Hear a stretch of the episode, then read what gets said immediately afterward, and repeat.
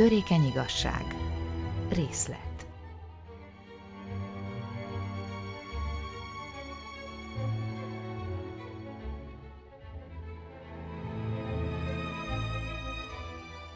Az Istenért, hogyan jutottam oda, hogy egy ilyen pokolveremben kötöttem ki? Beleugrottam, vagy belelöktek? Vagy egy kicsit ez is, az is? Kérem, a szoba néhány jól megválasztott bejárásának formájában írja le annak a valószínűtlen utazásnak a pontos körülményeit, amely boldogan egyhangú életéből a brit gyarmati sziklán való magánzárkalétbe vezetett. Na és hogy van a kedves felesége, az a szegény asszony? Kérdezi a már a nagyvonalúan, bár emberi észsel felfoghatatlan módon humán erőforrásra átkeresztelt személyzeti osztály még nem egészen túlkoros télkirálynője. Egy péntek estén, olyan órában, amikor minden tisztes polgár hazasiet, egyetlen szó magyarázat nélkül beidézte a hivatalnokot a fellegvárába. Ők ketten régi ellenfelek. Ha van valami közös bennük, az csak is annak az átélése lehet, hogy mennyire kevesen maradtak itt a régiek közül. Köszönöm, Modri. Örömmel mondhatom, hogy egyáltalán nem szegény. Válaszolja azzal az eltökélt könnyedséggel, amelyet az ilyen életveszélyes találkozások alkalmával szokott színlelni. Kedves, de nem szegény. Továbbra is teljes remisszióban van, és kegyed, fölteszem egészsége virágában. Tehát elhagyható, veti föl Audrey, ügyet sem vetve a nyájas érdeklődésre. Atya ég, dehogy! Már milyen értelemben? Nem enged a vidám évődés hangneméből. Abban az értelemben, hogy érdekes lehet-e önnek egészséges éghajlaton négy szupertitkos nap, mondjuk esetleg talán öt is. A lehetőség szintjén meglehetősen érdekes lehet, ami azt illeti. Köszönöm kérdését, Ódri. Pillanatnyilag velünk él felnőtt lányunk is, úgyhogy az időzítés alig ha lehetne jobb, mivel hogy ő történetesen orvos. Nem tudja megállni, hogy büszkélkedve hozzá ne fűzze, de Ódrit a lány teljesítménye sem hagyja meg. Nem tudom, mi ez az egész, és nem is rám tartozik, válaszol a nő a föl sem tett kérdésre. Van egy emelettel följebb egy Quinn nevű dinamikus fiatal államtitkár, talán hallott róla. Azonnal látni kívánja magát. Új söprű, amennyiben önhöz még nem jutott el a híre a logisztikai szükségintézkedések távoli berkeiben. Nemrég igazolták át a honvédelemtől. Ez nem igen mondható jó ajánló levélnek, de hát ez van. Mi a jó égre célozgat? Hát persze, hogy eljutott hozzá a híre, olvas újságot ugyebár, nézi a Newsnight-ot. Fergus Queen parlamenti képviselő, közkeletűen Fergé, egy bunyós kót, egyéni stílusú, intellektuális fenevad a nyúléber istálójából. A tévében nagy hangú szokott lenni, harcias és riasztó, ráadásul arra büszke, hogy a népostoraként csattog a külügyi bürokrácia hátán. Ez messziről nézve javallatos erény, de nem túl megnyugtató, ha az ember történetesen külügyi bürokrata. Úgy érti, Audrey, hogy most, ebben a percben? Én így értelmeztem az ő azonnal felfogását.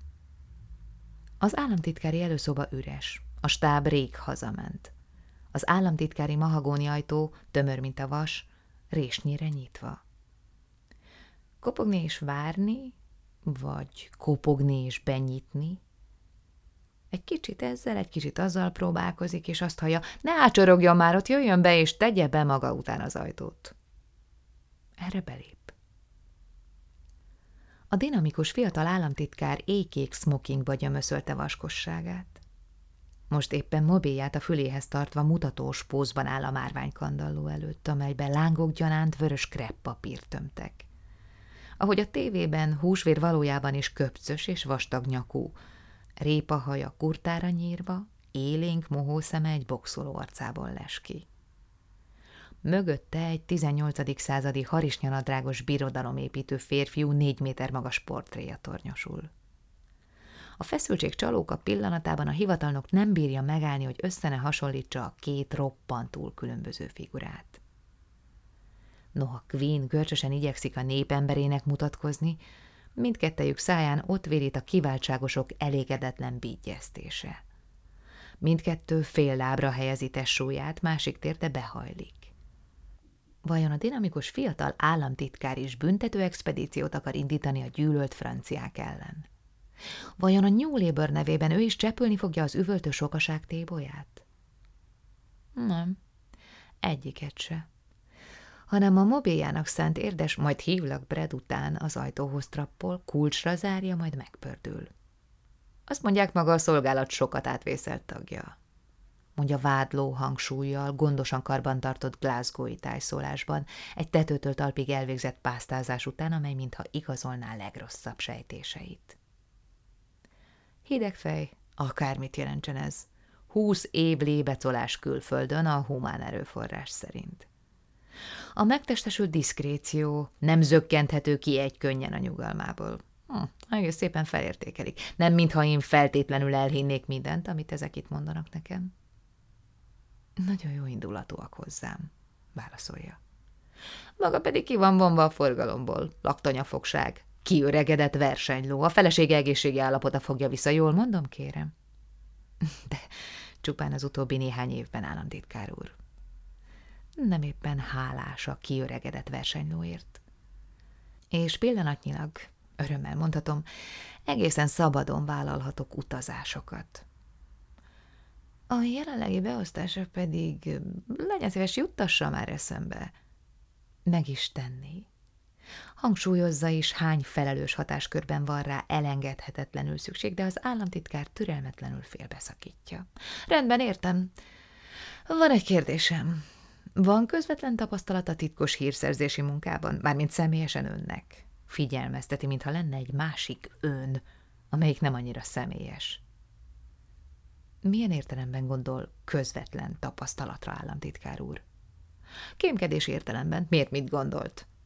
Csupán fogyasztóként sajnos, alkalmilag. A termék fogyasztójaként, nem a megszerzéshez szükséges eszközök fogyasztójaként, ha erre céloz a kérdésével, államtitkár úr.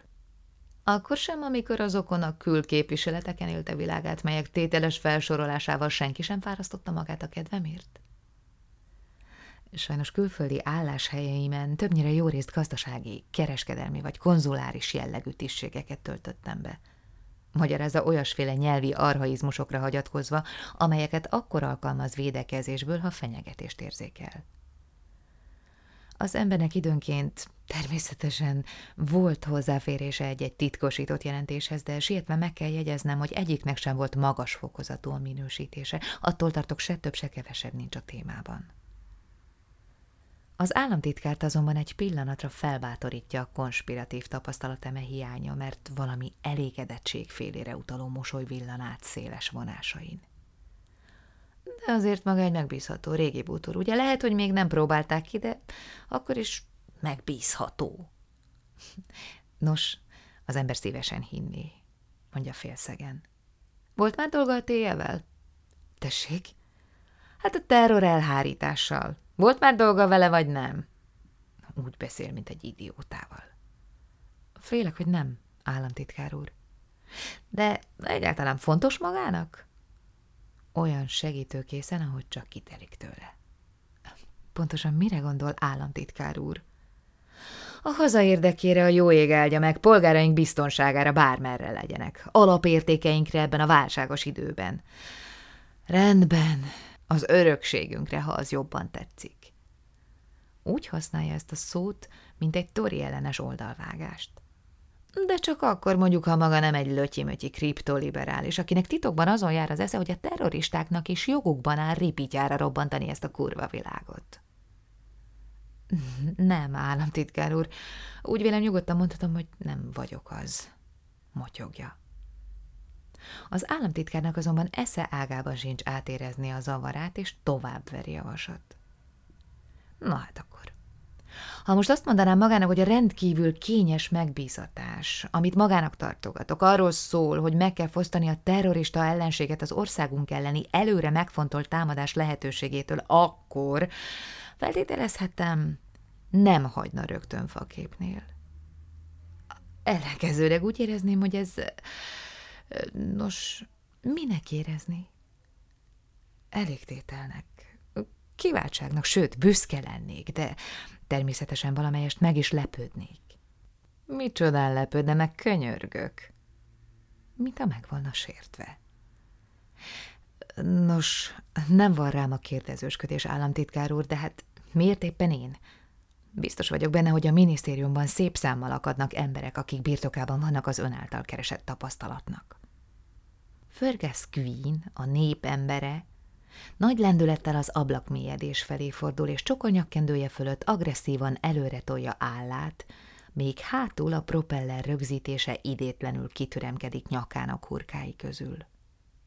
Elgondolkozva nézi a lovas testőrség szemléző terének aranykapicsait az alkonyi napban.